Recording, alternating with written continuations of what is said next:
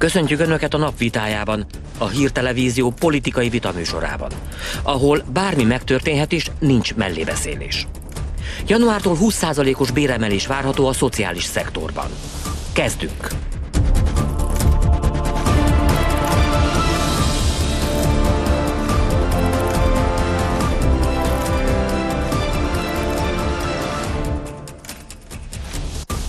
Ez a csörte, a napvitája. Mai vendégeink.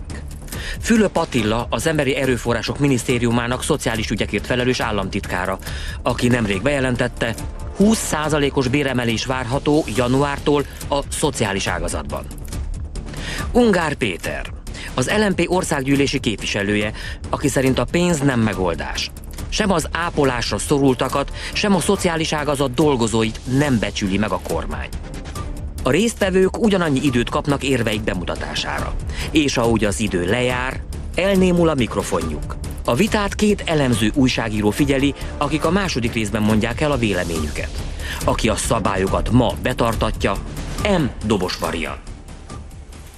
Jó estét kívánok! Szokás szerint élőben innen a hírtelevízióból, és egyből akkor képviselőnhoz fordulnék, hogyha azt mondja, hogy a pénz nem minden, és nem becsüli a kormány a szociális ágazatban dolgozókat, akkor mondjon arra kérem egy olyan eszközt, amivel igazán lehetne becsülni az érintetteket. Nagyon szépen köszönöm a lehetőséget. A pénz nem minden, nem erre vonatkozott, kontextuson kívül van értelmezve. A béremelés az egyetlen megoldás a szociális szektorba.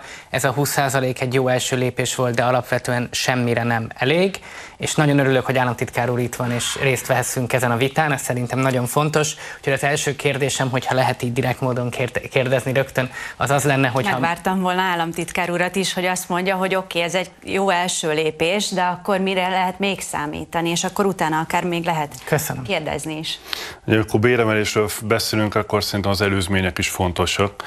Mi is örülnénk, hogyha a második emeletről indultunk volna, és akkor könnyen elérjük az ötödik emeletet, de a helyzet az, hogy 2010-ben egy olyan baloldali örökséget örököltünk meg, ami kapcsán nem a második emeletről indultunk, hanem nagyjából a pincéből. Tehát ne felejtsük el, 2010-ben 137 ezer forint volt a bruttó átlagbér ezen a területen.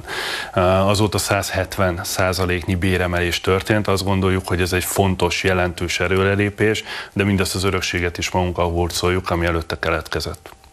Tehát akkor ott folytatnám, tehát hogy nagyon van, van egy dolog, amire nem kapok választ sajnos már körülbelül hát 8-9 hónapja, hogy meg titkár úr azt az egy dolgot mondani, hogy az egyteri 500 ezer forintos bérkiegészítés, amit megkaptak nagyon helyesen az egészségügyi dolgozók, miért nem kapták meg a szociális szektorban dolgozók?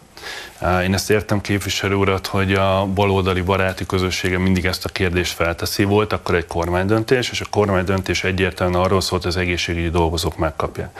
Most van ugyanez a kormány hozott egy másik döntést, ami arról szól, hogy a szociális területen pedig 20%-os béremelés van.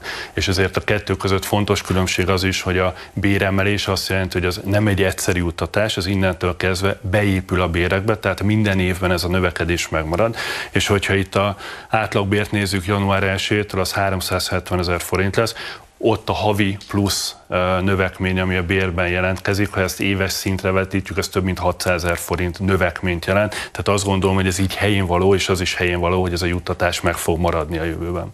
Elégedett ezzel a válaszol? Nem.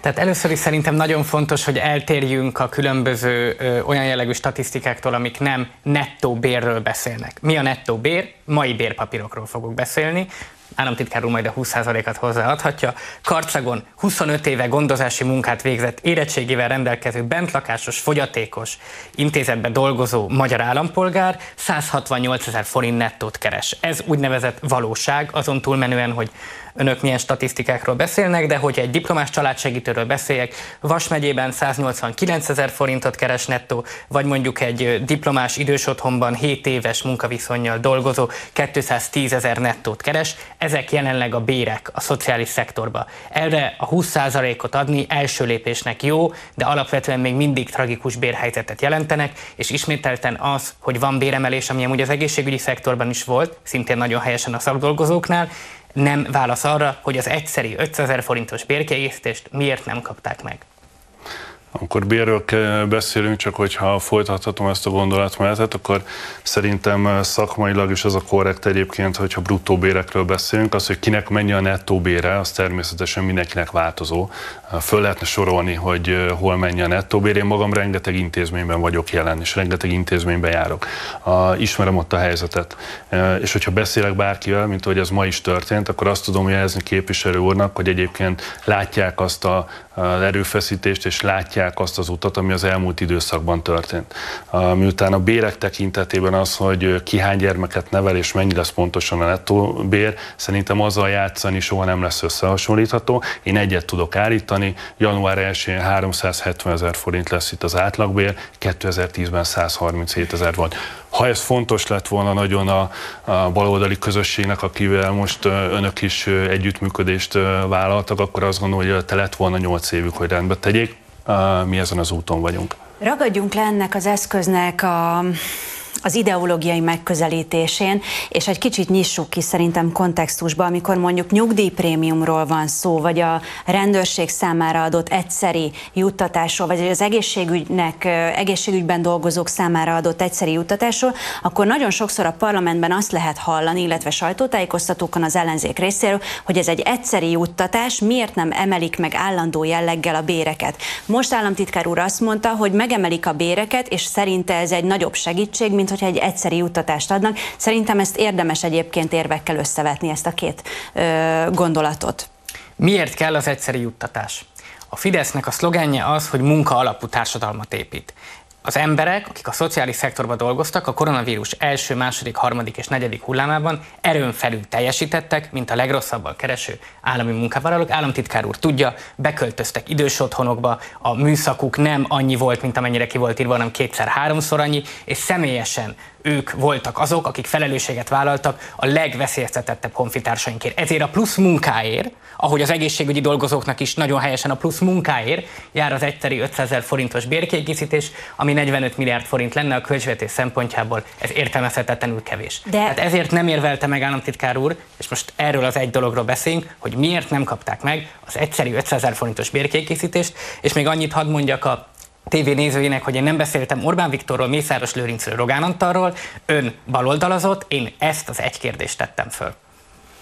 A csörtenézőit szerintem tiszteljük meg azzal is, hogy ezt a kontextust is megnézzük egyébként, ami az előbb elhangzott, hogy amikor arról beszél ez a kormányzat már 12 éve, hogy abban hiszünk, hogy úgy lehet szociális biztonságot kialakítani, ha egyébként van mögött a munkavégzés, akkor szerintem ezek fontos tények, amik az előbb elhangzottak. Tehát ezért 2010-ben mégis csak egy olyan országot örökölt meg az Orbán kormány, amikor 3,7 millió ember dolgozott, ma 4,7 millió, akkor 73.500 forint volt a minimálbér, most 200 ezer forint lesz.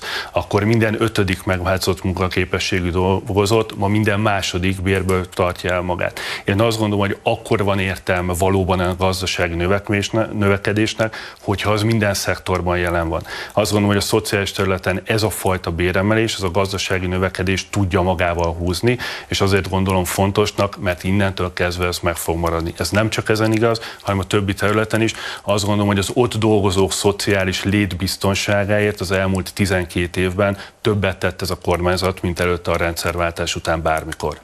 Tehát először is az egy neoliberális logika, hogy a gazdasági növekedés engedi meg, hogy a szociális költéseket növeljük. A szociális költések alapozzák meg, hogy legyen gazdasági növekedés. Én azt gondoltam, hogy a kereszténydemokraták meg mi, akik rendszerkritikusok vagyunk ebben egy oldalon állunk, szomorú, hogyha nem így van. A második, hogy arra nem válaszolt még mindig, hogy miért nem kapták meg az egyszerű 500 ezer forintos bérkiegészítést, ami a költségvetés szintjén 45 milliárd forint lenne, aminél többet költöttek a vadászati világkiállításra is. És harmadik, azért kell nettó bérekről beszélni, mert élő magyar emberek ezeket viszik haza. Tehát mondhatja, hogy a bruttóban és az átlagot kell számolni, nem a mediánt, de a 168 ezeres fizetés az létezik a magyar valóságban. 2010-ben, amikor önök átvették a kormányzást, akkor a mediánbér a szociális szektorban nemzetgazdasági mediánbér 70%-a volt, ez 2020-ban 40%-a lett. Leszakad a szociális szektor bérezésre minden évben a piaci bérektől. A képviselő szerintem azért a korrekt számokkal tiszteljük meg a tévénézőket, az fontos. Tehát a szociális bér az nagyobb mértékben nőtt, mint a nemzetgazdasági bér átlaga az elmúlt 12 évben. Azért a tényeket szerintem azt rögzítsük.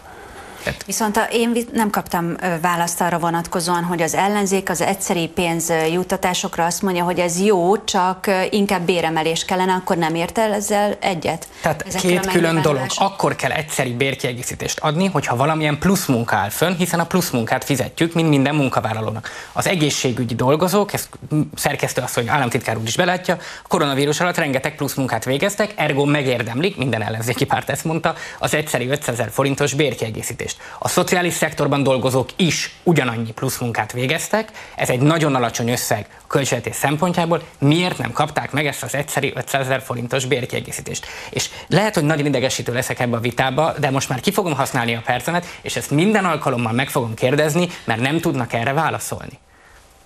Képviselő úr, megnyugtatásról azt tudom elmondani, hogy múlt héten volt a szociális munkanapja, a, ekkor minden intézményben, minden helyen egyébként nem csak az a lényeg ennek, hogy munkaszüneti nap van, mert négy éve így döntött az országgyűlés a kormány javaslatára az ott dolgozóknak, hanem szerintem az is nagyon fontos, hogy a ott elvégzett munka üzenetét azt el tudjuk mindenhova vinni.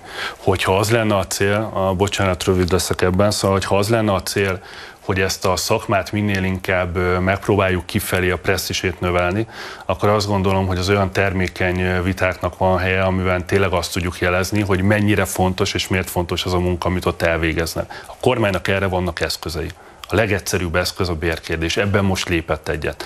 A, a csörtének a hátrébb idejében ezt beszélhetünk az 500 ezer forintra, ami volt egy kormánydöntés az egészségügy vonatkozásába. Szerintem hatékonyabb lenne egyébként, hogyha a területnek az egyéb oldalát lehetne megbeszélni. Szerintem többen éreznének talán készítést is arra, hogy érdeklődjenek a terület iránt. Hogyha államtitkár úr szóba hozta a szociális munkanapját, akkor ezzel folytatjuk. Szálljon be ön is, küldje el a véleményét a 063654 77 as telefonszámra, SMS-ben, Viberen vagy Whatsappon. És legyen öné a nap kommentje. Az országgyűlés négy éve nyilvánította november 12-ét a szociális munka napjává. Az ünnep kapcsán Fülöp Attila felhívta a figyelmet arra, hogy az, amit a területen dolgozók nap mint nap tesznek, nem a sajnálat kifejezéséről szólnak, hanem kőkemény lelki és fizikai munka. Mint mondta, mindenki arra vállalkozik a területen, hogy élethelyzeteket próbáljon megváltoztatni, javítani. Ennél nehezebb küldetést pedig alig ha lehet elképzelni. Úgy vélekedett, mindig szükség lesz a szociális munkát végző álhatatosságára, hiszen a sok-sok gondozott megsegítése a közösségeket építi és szilárdítja meg.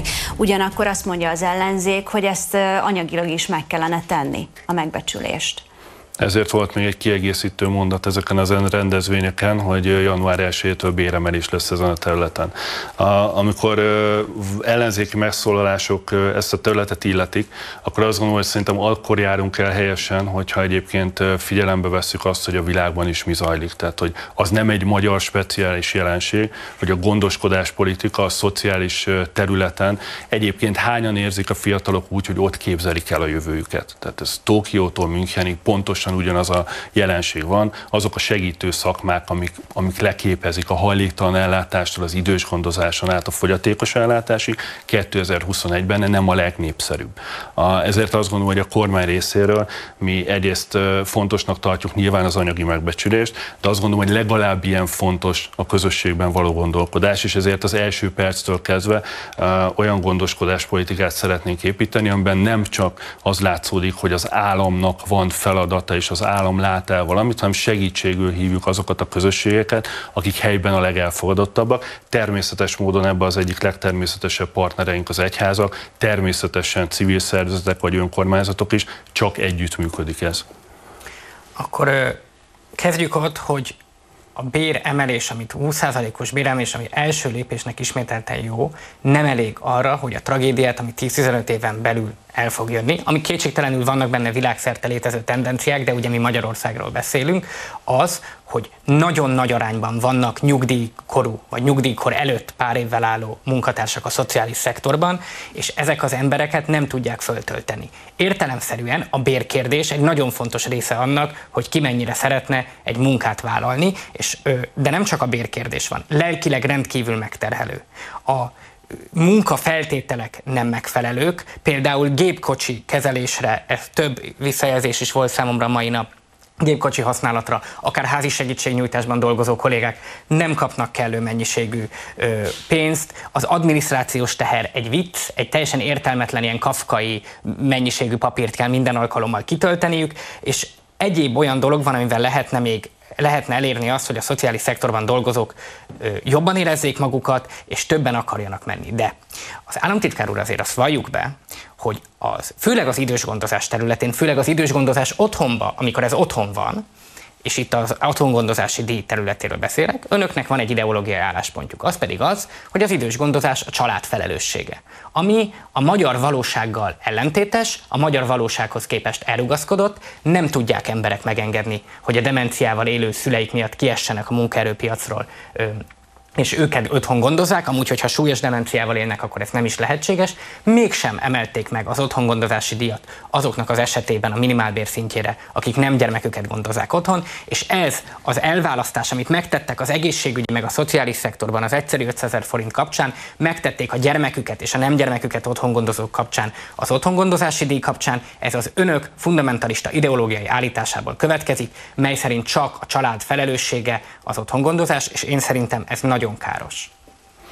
A, hogyha jól értem, akkor az első a bevezető gondolat az volt, hogy ezen a területen fontosak az infrastruktúrális feltételek is, tehát most a bérezéstől akkor egy kicsit, ha jól értem, tovább tudunk lépni, ja. abban talán egyet tudunk érteni, hogy ez egy jó lépés volt. Másban lehet, hogy nem, de az szerintem egy fontos egyetértési pont. Az infrastruktúra kapcsán azt tudom mondani, hogy terhes és nehéz volt az az örökség, ami, ami a szociális területen 2010-ben rendelkezésre állt. Ebben sok minden benne van. Ebben benne van a 90-es évek előtti intézményrendszer, ami kialakult, tehát, hogyha erről nem beszélünk, attól ez még így van. Gondoljunk csak akár a fogyatékos intézményekre, amik város szélén nagy létszámú intézmények. Ezeknek a lebontása, helyettesítése bár nem egyszerű, de belevágtunk és elkezdtünk. Azt tudom mondani, hogy 206 helyszínen több mint 25 milliárd forintból épülnek kis lakóotthonok. Ez azért fontos, mert nyilván az ott dolgozók munkakörülményei is meg fognak változni. 368 helyszínen 27 milliárd forintból építünk és újítunk meg szociális alapszolgáltatásokat, többek között olyan munkatársaknak, akik egyébként házi segítségnyújtásban részt vesznek. Ez is azért fontos, azt gondolom, mert nyilván, amikor valaki bemegy dolgozni, akkor fontos, hogy milyenek az infrastruktúrális körülmények. Szóval ezekben a lépésekben, vagy ezekben a kérdésekben nagyot léptünk előre szerencsére. Ne felejtsék szavukat, el kell mennünk egy rövid szünetre, reklám, aztán jövünk vissza, maradjanak velünk.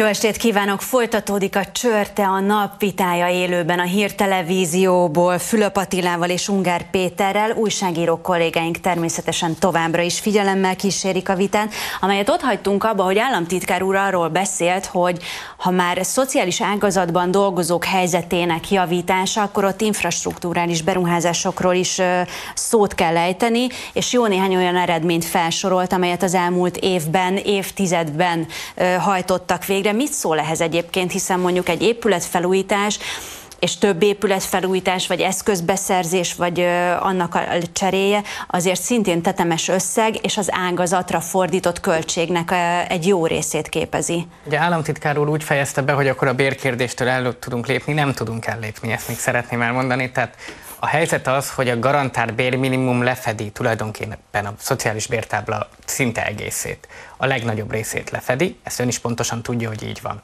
Nagyon rossz az, ahogy a szociális bértábla felépül, maga a bértábla egy nagyon rossz dolog, hiszen nem kellően van incentíva, nem kellő anyagi ö, módon van megbecsülve az, ha valaki sokáig dolgozik, még végzettséget szerez, továbbképzést szerez, és ez nagyon sok konfliktust okoz, illetve önmagában elvileg is rossz az, hogy szétválik az egészségügyi meg a szociális bértábla, hiszen a gondozási megápolási feladatok már nem válnak el olyan szinten, mint ahogy elváltak korábban. Ezt államtitkár úr tőlem többször hallotta már. Elmondják, hogy régen az idős otthonba ugye kártyáztak az emberek, meg sokkal aktívabbak voltak ott. Ma már egy idős otthonnak mondjuk bizonyos osztályai, meg egy kórház családban, bizonyos osztályok között, a feladatok között nagyon csekélyen tér el az, amit végezniük kell. Tehát a kettőt végzettség szerint amúgy összességében egységesíteni kell, és akármit mond államtitkár úr, amíg az a valóság, hogy nettó 170 ezer forintot keresnek magyar emberek megfeszített 12 órás hétvégi műszakokkal együtt, addig nem lehet a bért kérdéstől elkérni. Ha jól értem, akkor az épületfelújítások, eszközbeszerzések forrásait a bérbe csoportosítanát, képviselő úr? Itt egy másik vitát sajnos ezzel kapcsolatban ki kell nyitni, ami államtitkár úrral egy régi vitánk. Tehát Magyarországon azért az is van, hogy ezek az infrastruktúrális fejlesztések alapvetően az egyházi fenntartású intézetben történtek. Az egyházi fenntartású intézmények ugye eleve nagyobb normatívát kapnak, a, ez egy hosszú vitánk a vatikáni szerződés következtében is, meg egyéb dolgok miatt is, és az állami intézmények sokkal rosszabb állapotban vannak, az önkormányzatok sanyargatása miatt és az önkormányzati költségvetés elvonása miatt az önkormányzati intézmények meg még rosszabb állapotban vannak, és tulajdonképpen az egyházit preferálják, nagyon sok állami intézmény helyett. Ennek részben az is az oka, és nem akarok személyeskedni, hogy a szociális kormányzat nagy része egyházi szociális intézményekből jön.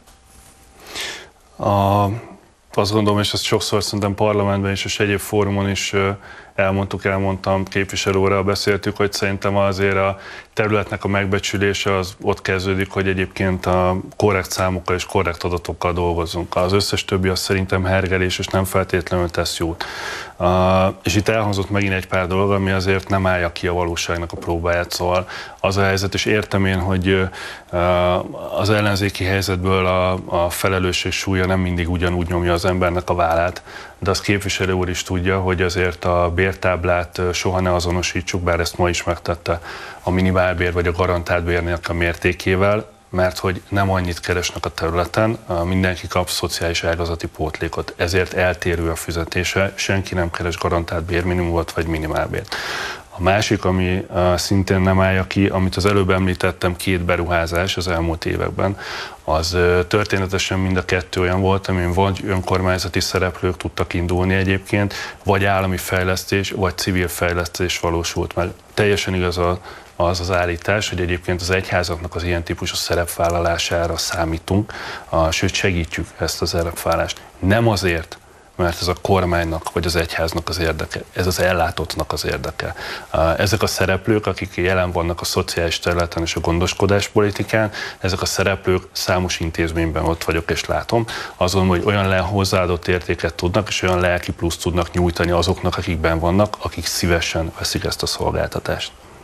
1894 óta van egy magyar konszenzus, mely szerint az egyház és az állam szerepe jelentősen elvál. Én azt gondolom, ez egy magyar hagyományos konszenzus. Én értem, hogy ön lelki plusznak értékeli, és ehhez véleménykülönbség miatt önnek joga van, de az állami feladat a szociális ellátás, ugyanis az emberek TB-t fizettek azért, akár sok éven át, meg szociális hozzájárulást, hogy utána, amikor olyan helyzetbe kerülnek, akkor az állam gondoskodjon értük. Ez az állam feladata, nem az egyházé. Szerintem itt félreértelmezés van. Tehát most arról beszéltünk az első négy perc, hogy béremelés aminek a forrását az állam fogja odaadni. Tehát azt mondani, hogy az állam kivonul, az állam nem foglalkozik vele, az nem igaz. Tehát az nem egy tipikus kivonulás, hogy az ember kivonul, de a pénzét ott hagyja. Tehát az állam a felelősséget megőrzi, a finanszírozást oda teszi mellé, csak egész egyszerűen azt mondja, hogy a problémákat, amik a szociális területen vannak, azok akkor jól megoldhatók, ha olyan szereplőkre bízunk, egyébként, akik mert helyben a legjobb közösségépítő erővel bírnak.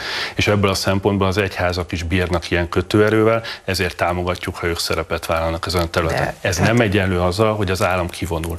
Ott van az mögötte, a finanszírozást odaadja, és a jogszabályt Tehát az összes odaadja. magyar történelmi egyház, a mazsihisztől az evangélikus egyházig alapvetően a magyar állam pénzéből él, hiszen ez az állam berendezkedése. Tehát az, amikor ők fenntartanak egy intézményt is, vagy magyar adófizetők pénzéből ugye direkt az 1%-on, vagy pedig állami támogatásból van. Itt minden az állam pénzéből van. De azzal, hogy azt mondja, hogy ott van egy lelki plusz, az a implicit azt mondja, hogy egy lelki mínusz van az állami intézménybe. És az az ember, aki az állami intézménybe ateista mondjuk, és dolgozik, és idős gondozással foglalkozik 30 éves, semmivel sem kevésbé alkalmas vagy jó, azért, mert ő nem egy egyházi intézményben teszi ezt. Ezt én nem mondtam, azt mondom, képviselő úr szeretné így hallani. Hát azt mondja, hogy ha van valahol lelki plusz, akkor implicit a plusz az valamihez képest van. De a másik kérdés, tehát a nem tudja azt eltagadni ismételten, hogy a szociális szektor az el volt felejtve ebbe a kormányba. Orbán Viktor nem mondta ki nekik a köszönő szót egészen a második hullám elejéig, amikor a, azért, mert ebből politika volt csinálva. És még egy dolgot szeretnék behozni. Az egyszeri 500 ezer forint mellett, amit mondom, a maradék időben is még el fogok mondani, mert szerintem rendkívül igazságtalan, hogy a szociális szektorban dolgozók nem kapták meg az egyszeri 500 ezer forintos nettó bérkiegészítést, hogy korábban nem reagált az otthonápolási díj kapcsán arra, hogy miért kellett önöknek szétválasztani az idős gondozókat, vagy a nem gyermeküket ápolókat. Erre is reagálok, csak azért az első állítást hadd utasítsam vissza, tehát ha a kormány részéről ön szerint el volt felejtve ez a szektor, az a helyzet, hogy mégiscsak mi 12 évben kell, hogy gondolkozzunk. 2010-ben erre a szektorra 325 milliárd forint volt a költségvetésben az elfogadott 2022-es költségvetésben több mint 1100 milliárd forint van. Tehát ha 325-ről 1100-ra növeli a teljes kiadását a szociális gyerekjólét és gyermekvédelmi szektornak a kormány,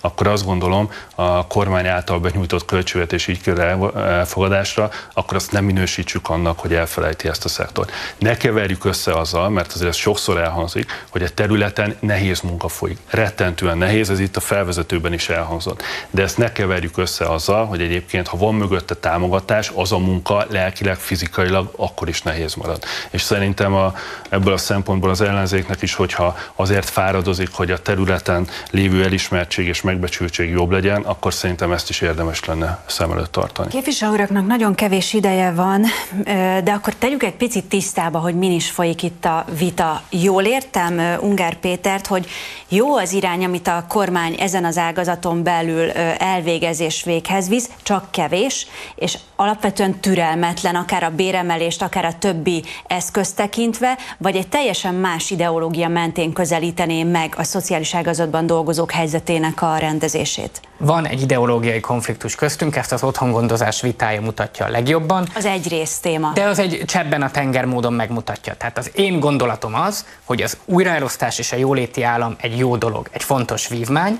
és a gondoskodó munkát, amit 99%-ban nők végeznek, azt ingyenesnek és újrahasznosíthatónak, folyamatosan megújulónak tartja ez a kormány, ahelyett, hogy ezt a munkát, ameddig nem fizetjük ki, addig nem lesz lehetőség arra, hogy ezeket az embereket részben megbecsüljön, részben kifizessük azt, amivel ők megalapozzák azt, hogy lehessen Magyarországon gazdasági növekedés. Faramucin fogalmaztam meg.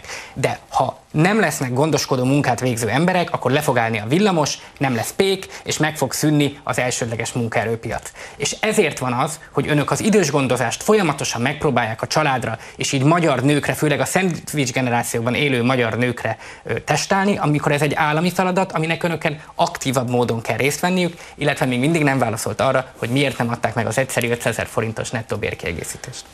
Képviselő úr, érteni vélem a kérdést, csak néha jön szembe a valóság, és ez ebből a szempontból mást mutat. Tehát amikor azt állítja, hogy az idős gondozás tekintetében magukra maradnak a családok, és egyébként ezen a területen sincs fejlesztés, akkor azt tudom mondani, hogy nem tud az elmúlt években olyan idős gondozáshoz kapcsolódó szolgáltatást, legyen az házi segítségnyújtás, nappali ellátás, bármi, aminek nem emeltük volna legalább 100%-kal a normatíváját, és egyébként mondjuk a házi segítségnyújtás, ami pont arról szól, hogy az időseknek otthon segítsünk. Egyébként az elmúlt években 20 ezer fővel nőtt azoknak a száma, akiről így gondoskodnak. Tehát azt gondolom, hogy vannak, léteznek szociális szolgáltatások, ezeket szeretnénk oda eljutatni, ahova el kell jutatni jelen esetben az idősek családjához.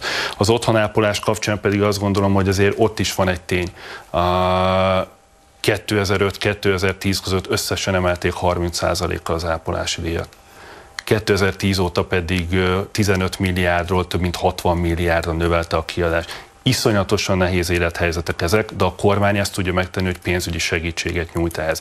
Én ezért mondtam azt a bevezetőben is, hogy viszont én azt látom, hogy az a, baloldali szövetség az megtette volna előtte, nem tett semmit ebben az ügyben. Hát ez egy, tehát államtitkár úr beszél a magyar valóságról, amikor jelenleg ma Magyarországon, aki kiemelt otthongondozási díjon van, és mondjuk a demens anyósát gondozza 0-24 órába 74 ezer forint nettót kap. Ez egy tény. Ezt nem tudja megszáfolni, ez ennyi. Az, hogy megemeljék a minimálbére éves szinten, körülbelül 55 milliárd forint lesz, ismételten a kedvenc példámat a vadászati világkiállítást tudom mondani, 75 milliárd. Tehát az a helyzet, hogy nagyon szép, amit elmondott, 0,4%-ot költ a GDP-ből ez a kormány az idős gondozásra. Erre azt tudom mondani, amit Navrasis Tibor mondott alól a parlamentben, amikor én még gimnazista voltam, hogy sereghajtók Európában ezzel az Orbán kormány, és azt mondani, hogy önök jól tehát, hogy önök megadják a tiszteletet, meg anyagi megbecsülést az otthon gondozóknak ismételten, amikor ez 74 ezer forintot jelent, ez egy vicc, ez a valóság. Ez a 74 ezer forint a materiális valóság, ami a számlán megjelenik minden hónapban.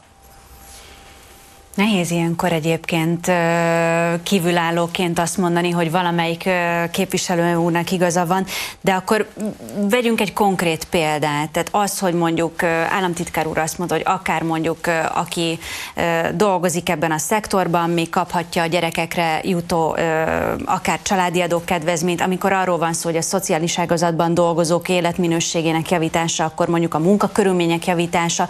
Tehát azért vegyünk ne csak ezeket a leg ö, alacsonyabb béreket, hanem úgy összességében, de csak azért mondom, mert egy percük van durván, hogy összességében egyébként mi a legnagyobb probléma ebben az ágazatban, azon túl, hogy kevés bért kapnak, legalábbis ön azt mondja. Tehát, hogyha, és erre nem válaszolt erre a kérdésemre, hogyha az épület felül infrastruktúra és felújításokon túl mondjuk azt a pénzt a bérekre, vagy az ápolási díjra, vagy egyébre átcsoportosítaná a szaktárca, azzal elégedett lenne, hiszen abban mindenki egyetért, hogy mindegyik terület terület kap egy büdzsét, azt megemelik, vagy éppen stagnálják évről évre, és abból tudnak gazdálkodni. Nem fogok ezt... Mert ugye a vadászati kiállítás az mondjuk nem a szociális ágazathoz tartozó kiadás. Tehát nem fogok elszakadni a bérkérdésről. Engem őszintén egyáltalán nem érdekel, hogy a karcagi 25 éve dolgozó, fogyatékos bentlakásos intézményben dolgozó magyar állampolgárnak hány gyereke van. Én azt tudom, hogy szégyen, hogy 168 ezer forintot keres nettó. Azt tudom, hogy szégyen az, hogy valaki, aki 0-24 órában a demens anyósát gondozza otthon, 74 ezer forintot kap. Ez a magyar valóság, ettől nem fogok elszakadni, és ismételten jelzem, hogy lassan fél órája itt vagyunk ezen az jó hangulatú vitán, de mondjuk körülbelül 45 ezer magyar honfitársunk nem kapott arra a kérdésre választ, hogy az egyszeri 500 ezer forintos bérkiegészítést miért nem adta meg a kormány a szociális szektorban dolgozóknak. A, azt tartom fontosnak képviselő hogy ezen a területen jó olyan párbeszédet, meg vitát folytatni, ami egyébként figyelembe veszi a területnek az érzékenységet. Tehát bárhova nyúlunk és bármilyen területről nézünk itt, akkor ott olyan emberi sorsok vannak, amik önmagában rettenetesen nehezek. Ezért minden olyan vita, ami arról fog szólni egyébként, hogy mekkora pénz az, amit elhasználható, az valószínűleg soha nem befejezhető. Mert mindenki érzelmi alapon azt fogja mondani, hogy még és még, és azt gondolom, hogy az érzelmi alapon így van rendjén, de mindig van egy költségvetési korlát. Én azt mondtam el, hogy egyébként az elmúlt években B tér és infrastruktúra fejlesztés területén többet tettünk az elmúlt 12 év vonatkozásában, mint előtte. Ez nem azt jelenti természetesen, hogy itt lenne a vége, ezért fogunk dolgozni a továbbiakban is. Én ezt a maradék időmet arra használnám, hogy szerintem fontos akkor, hogy megköszönjük a szociális szektorban dolgozó, az otthon gondozó munkát végző honfitársainak azt a munkát, amit végeznek. És a köszönet mellett én azt tudom mondani, hogy amennyiben kormányváltás lesz, és amennyiben utána nekem közön lesz bármennyire a politikához, azért fogok harcolni, hogy részben megkapják az egyszerű 500 ezer forintos bérkiegészítést, és hogy végre a béremelés tekintetében az elsők legyenek, és ne az utolsók. Én azt tudom mondani, hogy a szociális biztonság tekintetében az elmúlt 12 évben sokkal többet tettünk, mint korábban. A képviselő úr remélem, hogy majd az a baloldali összefogás, amelynek önök is részei, hogy miért gondolta, hogy többet fognak tudni tenni, nem tudom, de az biztos, hogy mi ezen az úton fogunk tovább menni, és tovább fogjuk erősíteni ezeket az embereket, mint ahogy ezt megtettük az elmúlt 12 évben is. Államtitkár úr, képviselő úr, köszönöm szépen, hogy eljöttek. Egy nagyon jó szakmai vitán vagyunk túl. Bízom benne, hogy ezt majd tudjuk folytatni a későbbiekben is, mi pedig akkor újságírókkal folytatjuk az adást. Önök továbbra is a csörtét a napvitáját látják, a hírtelevízió politikai vitaműsorát, ahol nincs mellébeszélés. A politikusok vitája után most újságíróké a terep, akik eddig élőben a stúdió előtt követték az adást. Mit szólnak ők a most elhangzott vitához? Kinek volt igaza? Melyek voltak a legérdekesebb gondolatok? És akik most egyenesen megmondják a véleményüket a politikusokról, Kósa András és Kovács András. Szervusztok, jó estét! Szerbusztok, jó estét! Szerbusztok, jó estét! Sok résztémát ö, érintettünk ebben a vitában. Mit emelnétek ki belőle? Szerintem egy nagyon jó szakmai vitát hallottunk, és éppen emiatt szerintem érdemes egy-két dolgot tisztába tenni, ami szerintem alapvetően a felek közötti jelentős különbséget megadta. Például, amit Ungár Péter képviselő úr mondott, hogy a szociális költések alapozzák meg egy országnak a gazdasági növekedését, szerintem ez, én ezzel teljes mértékben nem értek egyet, és hogyha a képviselő úrnak igaza lenne, akkor például 2002 és 2010 között a magyar gazdaságnak szárnyalnia kellett volna, és nem kellett volna gyakorlatilag az országnak csődbe mennie, mert abban az időben valóban az állam szociális kiadásai arra mentek el, hogy az inaktív rétegeket valahogyan ők is részt tudjanak venni az ország működésébe, tudjanak vásárolni, de az egésznek egy hatalmas államcsőd lett a vége. Tehát, hogyha a következő baloldali koalíciónak ez lesz a úgymond fő ideológiája, ebből megint valószínűleg egy gazdasági visszaesés és csőd lesz a vége. Az is kérdés egyébként, hogy az ellenzéki pártok közül ki az, aki támogatja majd ezt az elképzelést, de ebbe most nem menjünk bele, mert ebbe, erről nem szóltunk. Nem azt mondtam Ungár Péter, hogy az inaktívak támogatása alapozza meg egy állam jólétét, hanem azt, hogy a szociális, általában a szociális kiadásokról beszélt. Azt gondolom, hogy egyébként ehhez képest Fülöp Attila említette azt, hogy 2010 előtt mennyivel volt alacsonyabb a szociális kiadás, mint 2010 óta, de az abban végképp nem menjünk be, hogy a 2010 előtti gazdasági helyzet, a világgazdasági helyzet, a 2008-as gazdasági válság az mennyiben teremtett más kontextust ehhez, és hogy azóta mondjuk a, egy milyen gazdasági konjunktúrát élünk.